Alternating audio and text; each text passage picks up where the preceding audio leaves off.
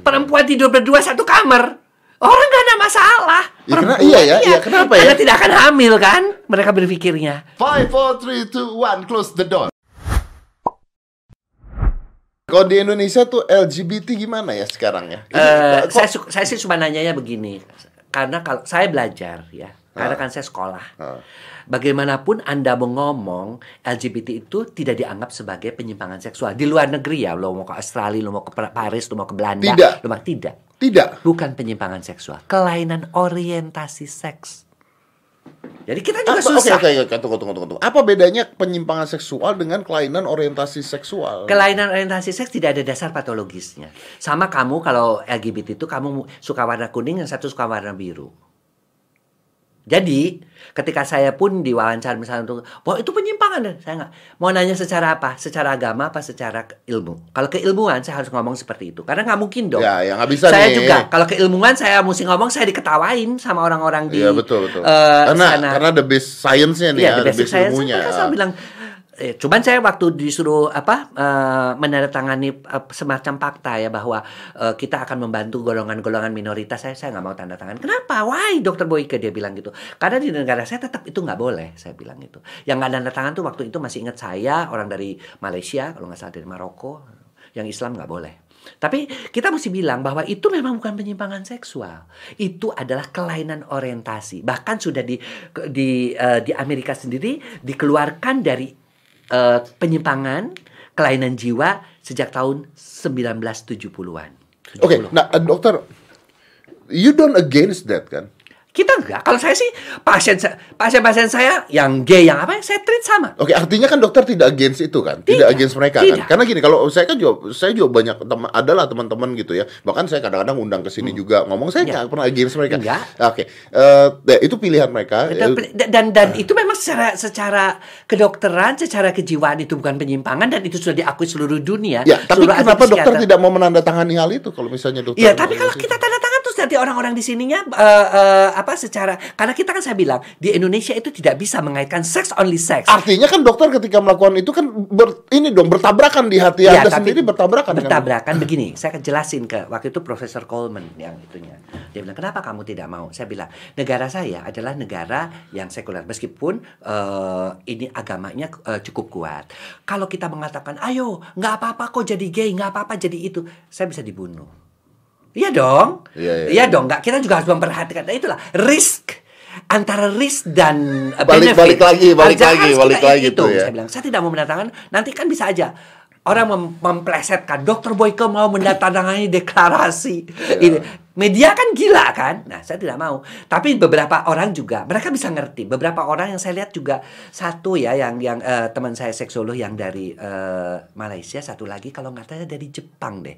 Itu juga sama. Dia bilang saya juga tidak mau. Dia bilang gitu. Saya karena kan deklarasi itu harus dibawa ke negaranya kan? Harus dibawa ke negaranya. Iya, iya, iya, iya. sebagai sebagai ini. Jadi kita tetap mengatakan bahwa eh, apa ya itu urusan kamu. Mereka juga orang-orang kami mengerti. Mereka mereka juga bisa mengatakan gitu. Apalagi kalau negara-negara model Iran, model eh, apa negara-negara itu dipancung itu, Iya. dibunuh. Ya, ya benar. Saya juga kalau misalnya ada teman-teman yang nanya saya yang mereka LGBT nanya ke saya, saya jawab. Saya tidak against, tapi eh, I itu hak kamu. Yes, I don't against you. As long as you Dan don't. tidak mungkin juga saya mengata-ngatain kamu bang ini ini Iya. membu- mem- berusaha mem- apa eh, mengubah kamu menjadi hetero Nah. memaksa kamu kecuali kamu minta. Ya betul. Kalau lu ngomong baru kita Ah, kasih tahu ya Saya kan. udah Kalau- capek dok jadi gay. Ah oke. Apa bagaimana? Dan let's let's Oke, aku akan help it. terapi. hormonal kayak apa Iya, kayak begitu. Hormonal, Betul. eh, bantu dengan bang, nggak, itu aja. Many things, dengan kamu harus berhenti dari lingkungan kamu, Ya, keluar dari situ. ya, Karena ya. banyak juga beberapa pasien yang gay yang mau menikah. Ya, ah. Nah, karena saya harus bantu. Iya. Dia kan membantu meminta. Oke, kalau kamu memang mau pindah. Tapi kalau memang dia dia happy Tapi dengan dok, dok kan sekarang juga banyak sebenarnya kita nggak usah misalnya menutupi hal kenyataan ini bahwa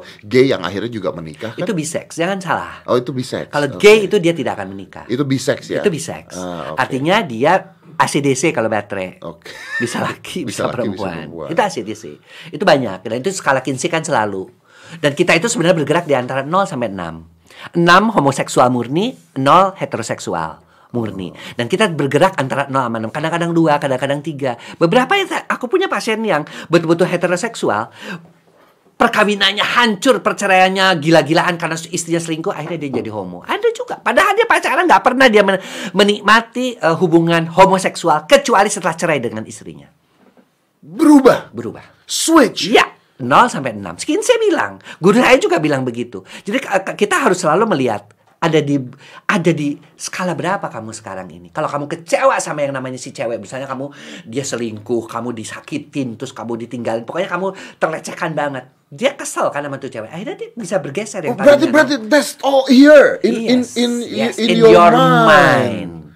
Ya karena Kinsey a- kamu a- berapa? Ada cerita-cerita juga bahwa misalnya wanita terus nikah disakiti cowoknya terus jadi lesbian. Saya punya pasien yang lesbian ngangkat anak suami istri. Saya disuruh tanda tangan akte kelahirannya saya nggak mau. Karena istri perempuan sama perempuan. Karena tuh si perempuan itu dihamili orang, dia dia mau diangkat oleh eh, yang les- lesbian itu. Itu pa- pasien. Saya nggak mau tanda tangan. Tapi dia ini dan dia katanya janji mau operasi eh, dari perempuan Tunggu, menjadi tunggu, dok. laki. Tadi kan saya kita kan mengatakan is in your mind, tapi dokter mengatakan ada skala 0 sampai 6. 6. 0 sampai 6. 0 sampai 6 ini apa? Skala manusia pada umumnya? Skala manusia. Tiga itu biseksual murni. Tiga tuh biseksual. Bisa hari ini dia hubungan seks dengan perempuan be- eh, Oke. eh, dalam satu Kalau. 6 itu sudah Kalau enam itu udah eh, gay. gay atau gay ya, Ah, oke. gay. Nah, kalau no heteroseksual I know. Nah, kalau sekarang misalnya eh, dua itu apa? Kalau dua itu dia lihat duanya ke mana? Berarti dia ke arah heteroseksual. Jadi banyakan dia heteroseksual sesekali homoseksual. Oh gitu. Hitungnya gitu dok ya. Dan itu ada di setiap Ada manusia? di setiap negara. Ah, Kita belajar gitu dan dan ya ya ya mengapa sih orang Inggris itu termasuk yang angka biseksualnya cukup tinggi? Anda bisa lihat, eh, kita lihat eh, kalau jauh-jauh deh Pangeran Charles aja kan pernah dengan remaja pria kan, ya setelah dia dengan nggak dengan Lady Di kemudian Hmm. Kenapa kan ada tuh? kena- ya itu karena mungkin dia kehidupan dengan si sama perempuannya dia tidak bahagia, unhappy life. Dia mungkin mencari juga akhirnya dia pengen coba-coba dengan laki-laki. Karena skala itu 0 sampai 6 itu terus bergeser terus. Kalau kita hidupnya dengan istri kita baik dengan itu udah pasti di nol terus nggak akan Jadi be- bisa juga terjadi tergara lingkungan. Ya karena lingkungan. Ya Karena paling banyak 70% itu kan lingkungan. Gen kita semua ada. Jangan kamu bilang, "Ah, gue enggak, gen gue heteroseksual." Selalu ada 3 sampai 5% itu pendidikan ya, saya dapat itu. Selalu ada. 3 Tinggal- sampai tinggal 5%. meletek apa enggak meletek apa enggak? Tinggal lu happy enggak lu hidupnya? Udah nikah lu happy enggak? Terus lu waktu dalam proses di dalam kandungannya udah dapat hormon-hormon enggak? Waktu lu lahir, lahir lu lancar apa enggak? Di vakum apa enggak? Karena kelainan di otak juga menentukan. Lu waktu eh, Di vakum hubungannya apa dok? Oh, di vakum kerusakan otak beberapa kan. Makanya sekarang kalau vakum udah jarang. Sekarang kita udah kalau memang susah gede, udahlah sesar aja. Itu juga ada, ada penelitian-penelitiannya ke arah-arah itu. Trauma-trauma persalinan, ketika dia masa balita, itu menentukan nanti eh, ke arah jadi apa nanti dianya. Wow. Belum lagi nanti selama masa ini sering dibanding-bandingin nggak sama kakak-kakaknya, sering dilecehkan nggak, dianggap nggak ngerti nggak, dianggap goblok nggak, digoblok-goblokin sama orang tuanya, digoblok-goblokin sama gurunya, akhirnya jadi pedofili, akhirnya jadi exhibitionismnya cuma bisa telanjang-telanjang nonton-nontonin ke orang. Apalagi kalau dia misalnya memang dari kecil orang tuanya suka bilang, eh punya kamu tuh gede loh dibandingin teman-teman sebaya kamu. Jadi, Waduh, waduh, jadi ini. ah, jadi dia lama-lama jadi exhibitionism dan dia menganggap bahwa itulah kebanggaannya dia. Ya gila lagi itu. Jadi that shit happens dari dari masa nah, trauma makanya lalu bisa kejadian seperti namanya kehidupan itu is not easy. Punya anak tuh is not easy. Membesarkan dengan cinta kasih, membesarkan suami istri itu kenapa harus kelihatan harmonis di depan itu karena itu semua. Kalau kita cari-cari ya, kita cari-cari sebuah pasti ada. Coba kamu ngaku.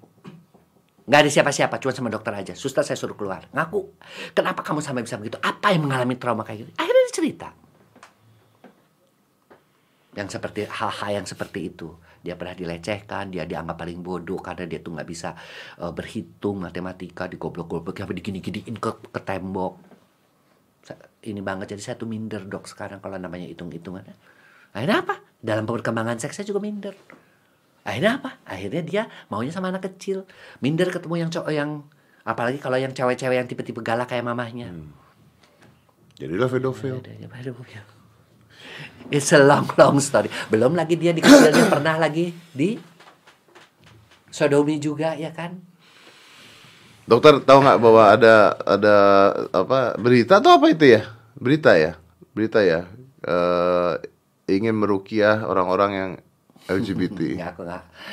Aku eh jadi dokter tuh sudah katakanlah lulus 81 sampai sekarang 39 tahun ya. Jadi kalau misalnya di eh, di rukyah eh, untuk itunya karena itu adalah berupa mindset ya. Kalau menurut pendapat saya ya.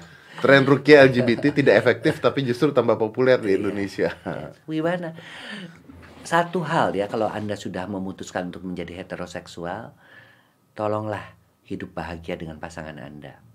Ketika Anda eh, tidak bahagia dan akhirnya dat datanglah yang si yang sama-sama juga mereka memang mencari orang-orang kan mereka biasanya datang-datengin ke kafe-kafe dipeluk-peluk yang cewek-cewek lo putus sama laki emang laki itu mah jahat semua lo gelo laki mah biadab lah gitu gitu. Aja jadi eh, lesbian. Sama juga yang cowok digituin juga. Kenapa kamu nggak punya duit ya? Cewek itu memang realistis emang gini. Kita cowok-cowok gini jadilah dia. Banyak kasus-kasus begitu. Kalau kita tanya nih dari satu-satu kasus-kasus ya setiap kali kasus-kasus kenapa sih? Kasus saat dia mau kawin. Yang penting lagi kalau cuman kayak begitu kalau kawinnya Pernah pacarnya lesbiannya kawin. Siang ceweknya teriak-teriak di depan pengantennya. Iya iya iya. iya. Gila itu kan heboh satu pesta perkawinan gila nggak? Ada kejadian. Jadi it's more to situational uh, Yeah. yang akhirnya terganggu. 70% faktor LGBT adalah faktor lingkungan. 5% 3 sampai 5% faktor genetik. 30% adalah dia dari masa dia dikandung sampai kepada masa dia prapubertas. Oke. Jadi benar tuh ya, misalnya ada cowok, misalnya ada cowok kerja di salon, terus dia ngeliat banci-banci yang lain, Oh iya. terus akhirnya dia jadi Bener. bebancian, Bener. terus jadi banci gitu, Iya. itu bener ya? Lingkungan 70%. Artinya kita di lingkungan juga harus, eh, tapi sama seperti narkoba dan sebagainya Yes, juga kan, kita sama. harus harus ngeliat lingkungan kita juga Ya, kan dok ya nggak bisa nggak bisa. Makanya bukannya kita apa ya? eh, mengapa sih kita juga kita memang eh, yang namanya LGBT itu di kalangan dokter, di kalangan tentara, polisi, eh, bankers juga banyak. Tapi kenapa sih lebih banyak kepada misalnya di lingkungan yang fashion fashion? Nah, kenapa tuh? Kenapa, Dok? Kenapa? Karena kan kegiatan-kegiatan perempuannya lebih banyak.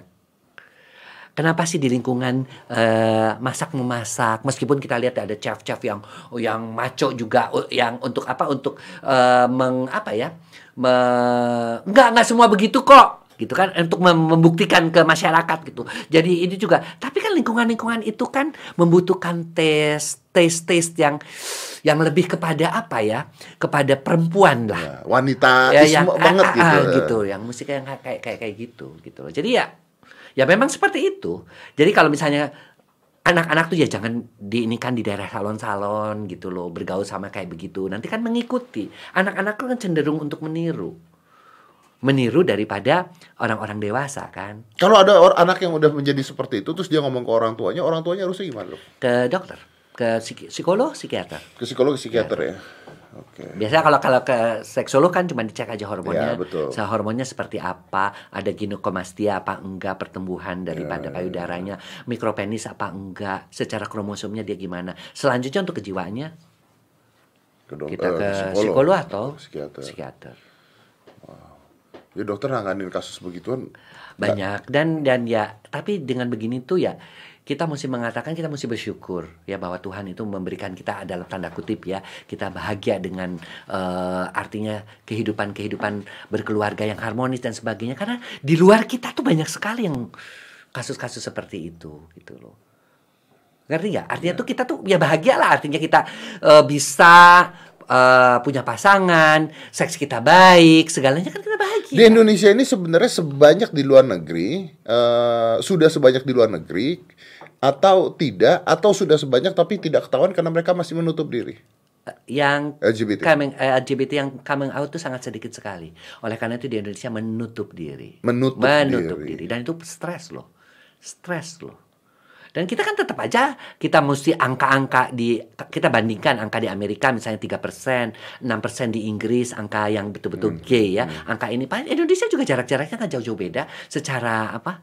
Apalagi di kita ada budaya-budaya seperti budaya reok ya kan, yang budaya-budaya yang di Jember itu ada budaya-budaya yang macam-macam lah, yang kadang-kadang justru menyuburkan dalam tanda kutip ya, menyuburkan eh, kasus-kasus eh, transgender ataupun LGBT.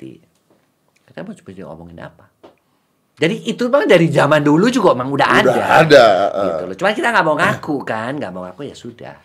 Gitu loh. nggak mau ngaku nggak mau speak out sekarang mereka speak punya eh, kan kaget ketika oh apa katanya di kampus-kampus kok angkanya meningkat itu itu karena pendidikan seks nggak dikasih tapi kita pengen terhindar dari LGBT bagaimana Iya kan? Wow. satu contoh. Waktu itu saya diundang ke Padang. Katanya angka di Padang itu menurut data dari mereka LGBT-nya termasuk paling tinggi di Indonesia. Kamu bisa bayangin nggak? Saya malam-malam keluar cowok ce- cewek-cewek eh cowok-cewek nggak boleh gandengan. Wah bisa kena adat kena apa? Ya jadilah kalau Iya, begitu karena kalau cowok-cowok gandengan nggak apa-apa pusing gua ngelihat langsung.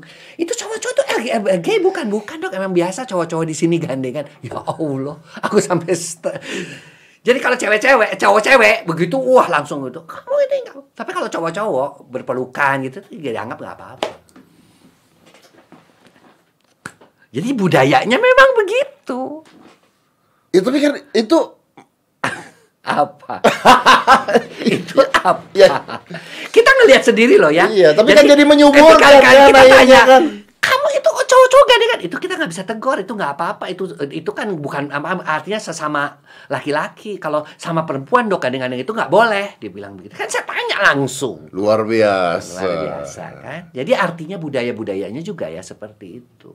Ya, mengapa sampai terjadi banyak-banyak begitu ya? Kadang-kadang memang susah sih susah zaman sekarang tuh susah ngelihat-lihat Tapi itu, seperti itu ya itu lari ke dari zaman sekolah karena begini saya pernah saya pernah eh, saya pernah ngomongin ini Hmm. pada saat anak masuk sekolah TK dan sebagainya itu cowok dibarisin sama cowok Ah, emang iya cewek dibarisin sama cewek masuk gandengan tangan cowok-cowok dan Iya, cewek-cewek itu Emang. jadi itu Betul. dari, dari kecil pun dari anda kecil sudah pun sudah mengajarkan diajarkan mengajarkan. Yang lebih gila lagi adalah eh saya eh, sering eh, ceramah ya di pesantren atau apa. Cowok-cewek itu tidak boleh digabung, dibatesin. Di- jadi hanya cowok-cowok saja ketemunya. Cowok-cowok zaman an- usia pubertas loh. Di mana gairahnya lagi tinggi kan cowok juga nggak semuanya maco kan ada yang tampangnya juga cakep, eh, yang tampangnya juga ya. Nah itu makanya kan mengapa boarding boarding school, ya namanya pesantren yang ter- terlalu tradisional itu sering banget ditemukan kasus-kasus LGBT. Jadi kita juga mesti waspada. Artinya ya saya sih ter- termasuk orang yang tidak terlalu suka menyekolahkan anak-anak untuk eh, pada sekolah yang satu Iya, iya, eh, iya, jenis iya, kelamin. Sekarang juga sudah mulai kan. Tresia sudah menerima laki perempuan. Tarakanita juga kalau nggak salah kan. oh karena zaman dulu gosipnya kan luar biasa Oh, itu Tarakanita terkenal banget kan Iya. itu. Dan mereka akhirnya menerima juga kan bahwa iya itu jadi banyak? terkenal. iya kan gosipnya kan? Wow dia udah ter- termasuk kan? Kenapa mereka jadi lesbian itu ya sesama? Karena mereka nggak boleh oleh susternya ketemu anak laki sementara yang normal kan ketemu laki kan? iya, iya dia tahu lagi gimana dia ketemu Iya. perempuan dan, terus, dan terus, harus ingat loh perempuan dengan perempuan tidur bersama mandi bersama pelukan berdua tidak pernah ada yang curiga dibanding kalau cowok. Tidak pernah ada yang curiga. Perempuan tidur berdua satu kamar orang nggak ada masalah Ya, iya ya, iya, kenapa ya? karena tidak akan hamil kan mereka berpikirnya Padahal mereka lesbian itu juga baru ketahuan. Saya dapat pasien baru ketahuan itu lesbian, ibunya sudah berlangsung enam tahun. Dipikirnya teman sahabat, ternyata lesbian. Waktu mau dikawinin baru cerita ibunya datang bawa anaknya nangis-nangis di depan saya. Enam tahun, ibu enam tahun nggak ngelihat? Enggak dok, emang dia sering pelukan yang namanya juga perempuan sama perempuan lah. Nah, itu Wajar dia. saling sisiran, di make upin, anak saya tuh dikasih eh, lipstick. Ya saya pikir ya perempuan sama perempuan mah biasa katanya tuh. Ter- Ternyata. ternyata timbul rasa sayang itu Dan Anda harus lihat ya, kasus lesbian di Indonesia mungkin lebih banyak dari kasus homoseksual. Mungkin lebih Eh, banyak. karena memang karena tidak ketahuan. Tidak karena kalau cowok sama cowok terus gandengan itu kan orang masih orang- mikir kecuali di daerah. Iya iya, padahal kalau cowok kalau kita lihat cowok sama cowok gandengan kan, nah ini pasti gay nih, oh ya orang. Tapi kalau cewek sama cewek gandengan kan kita sahabat, gitu kan? Oh, wah, banyak banget. Itu Iya banyak. kan, akhirnya Dan mereka itu konsultasi ke saya kemudian saya ginekolog juga ya. Oh. Mereka tuh takut tidak bisa memuaskan. Dok, saya bisa orgasme enggak, Dok, sama laki, Dok. Saya biasanya sama dia untuk sama perempuan begini begini. begini. Dok, gimana kalau ngadepin eh, sama laki gila nggak coba? Siapa yang tahu orang saya nggak tahu. Saya sekarang kawin juga nih, Dok, karena terpaksa nih, Dok. kawin sama laki dia. Kawin sama laki. Saya terpaksa tinggalin yang cewek saya, dia bilang.